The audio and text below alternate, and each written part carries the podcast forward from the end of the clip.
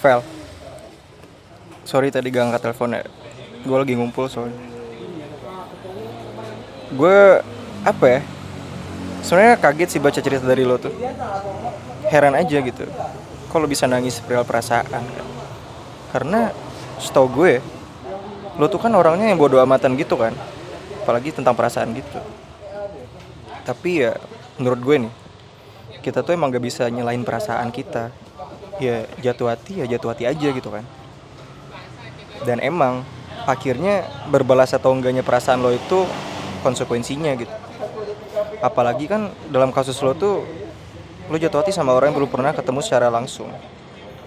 Dan kadang menurut gue juga nyaman itu tuh kebanyakan cuma jebakan. Kita bikin larut karena itu dan bikin kita terdesak gitu.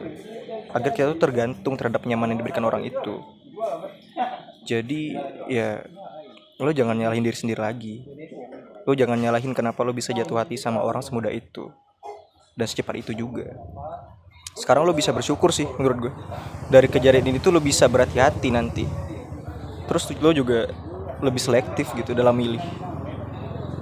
Sekarang mah nikmatin aja naik turunnya tentang hati. Dan kalau dipikir-pikir lagi ya nanti ini tuh bakal jadi cerita lo juga gitu. Cerita lucu malah. Yakin deh kalau lo mau nangis lagi ya nangis lagi aja. Asal jangan banting dispenser di rumah Vel. Bahaya. Nggak lucu ya? Oke mantap. Jadi ya healing dulu ya sama hati lo gitu. Sedih gak apa-apa. Tapi jangan lama-lama nggak baik. Oke. Dah. Kera, rokok